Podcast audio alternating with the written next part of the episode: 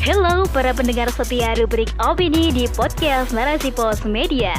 Masih bersama saya Dewi Fitriana. Rubrik opini kali ini berjudul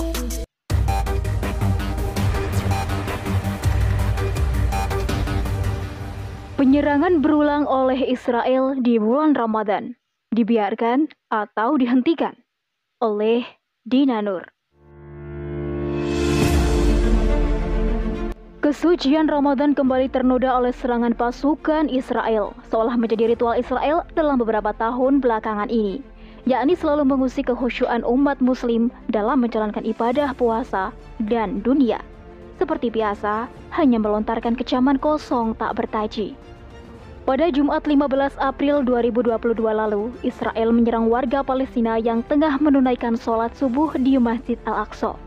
Sebanyak 230 orang terluka akibat terkena peluru baja berlapis karet, gas air mata, dan granat kejut yang ditembakkan oleh pasukan Israel di dalam masjid suci tersebut.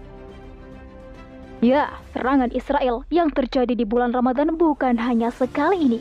Setidaknya, sejak tahun 2017, Israel telah melakukan penyerangan di saat kaum muslimin tengah berpuasa.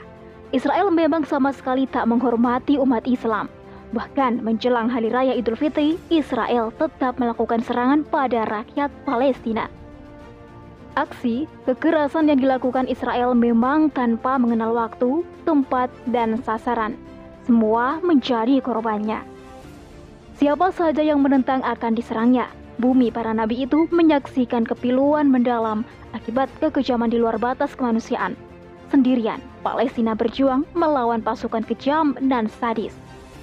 Pandangan ideologis kaum Yahudi Israel terkait Masjid Al-Aqsa menjadikan mereka merasa paling berhak atasnya.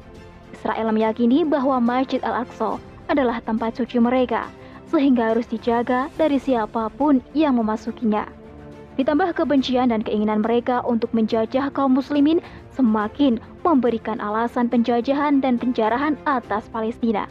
Hal itulah yang mendorong Israel melakukan berbagai upaya untuk menguasai tanah Palestina. Ambisi menguasai seluruh wilayah Palestina tersebut tak bisa dibendung. Israel kian merasa di atas angin melihat reaksi dunia yang begitu-begitu saja. PBB yang menjadi perkumpulan seluruh bangsa-bangsa di dunia tak kuasa berbuat apa-apa. Pertemuan-pertemuan yang diadakan untuk membahas masalah Palestina Israel hanyalah retorika tak bermakna Tak lain hanya demi mengukuhkan eksistensi entitas Israel. Segala macam resolusi menjadi pemanis bibir yang mengandung racun mematikan bagi Palestina. Dukungan untuk Palestina yang diucapkan di depan mata dunia hanya menjadi bahasa basi semata. Palestina terus terluka dan terlupakan. Solusi dua negara yang digembar-gemborkan sebagai jalan untuk mengakhiri konflik merupakan kesepakatan jahat yang mengkhianati rakyat Palestina. Mengakui keberadaan negara Israel sama artinya membenarkan penjarahan dan penjajahan yang dilakukan oleh Israel. Menerima solusi dua negara hanya akan membawa Palestina semakin jatuh dalam kubangan hina agresor Israel. Sungguh menyedihkan melihat nasib umat Islam di Palestina. Dengan berbagai persenjataannya, Israel menggempur bumi Syam Sementara itu, umat muslim di belahan dunia lainnya hanya bisa menyaksikan penderitaan Palestina sembari mengecam Israel. Kurang lebih 2 miliar kaum muslimin yang tersebar di seluruh dunia tak mampu menghentikan agresi Israel ke wilayah Palestina. Umat besar ini tak berdaya menghadapi Israel yang sebenarnya tak memiliki wilayah. Ke mana tentara umat Islam yang terkenal hebat dan mumpuni itu saat Palestina dikoyak oleh Israel? Kenapa para penguasa negeri Muslim tidak mengirimkan pasukan militernya untuk mengusir Israel? Apakah militer Mesir, Turki, Iran, Pakistan, dan juga Indonesia yang masuk dalam jajaran kekuatan militer teratas di dunia menurut GFP? Sebagian umat Muhammad ini tak tinggal diam dengan semangat mereka berupaya meringankan penderitaan saudara di Palestina, meskipun akses ke sana juga terbatas bantuan obat-obatan, makanan, tenaga medis, dan bantuan materi lainnya bisa sedikit melegakan. Namun itu hanya sementara, sama sekali tak menyelesaikan permasalahan dan penderitaan rakyat Palestina hingga tuntas. Rakyat Palestina terus menjadi korban, sementara sang penjahat Israel dibiarkan bebas melenggang tanpa hukuman apa pun. Diserang, terluka, dibantu, sembuh sebentar, kemudian diserang kembali. Begitulah yang dialami Palestina sampai kini di bawah bayang-bayang sistem jahat sekuler kapitalisme barat. Zionisme Israel yang dilakukan dari dulu hingga sekarang adalah untuk menjadikan tanah Palestina milik mereka seutuhnya.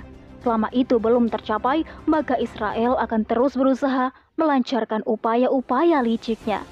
Dukungan dari Amerika dan negara-negara barat yang menguasai politik global telah mencengkram tangan dan kaki negeri muslim dan para pemimpinnya. Karena itulah Israel seolah tak tersentuh sama sekali meskipun kejahatannya pada Palestina begitu luar biasa. Tak mengherankan bila masalah Palestina tak kunjung usai.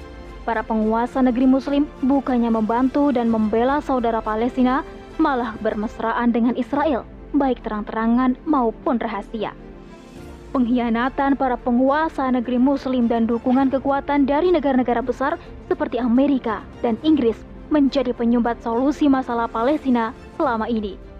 Alih-alih mengirimkan tentara membela Palestina, para penguasa Muslim justru mengikuti arahan Barat. Pengkhianatan kejam mereka terlihat nyata dengan fakta adanya hubungan normalisasi dengan penjajah Israel di atas darah rakyat Palestina. Bahasa diplomatik, perjanjian, kesepakatan, dan apa pun itu tak jelas berguna. Israel akan punya banyak dalih untuk melanggarnya. Bahasa perang adalah satu-satunya bahasa yang pantas untuk Israel. Melawan pasukan Israel dengan kekuatan militer menjadi solusi untuk mengakhiri masalah Palestina, sekaligus juga mengembalikan kehormatan umat terbaik ini pada tempatnya. Syekh Ahmad Yasin pernah mengatakan bahwa ada dua pilihan terkait Palestina, yakni menyerah atau melawan.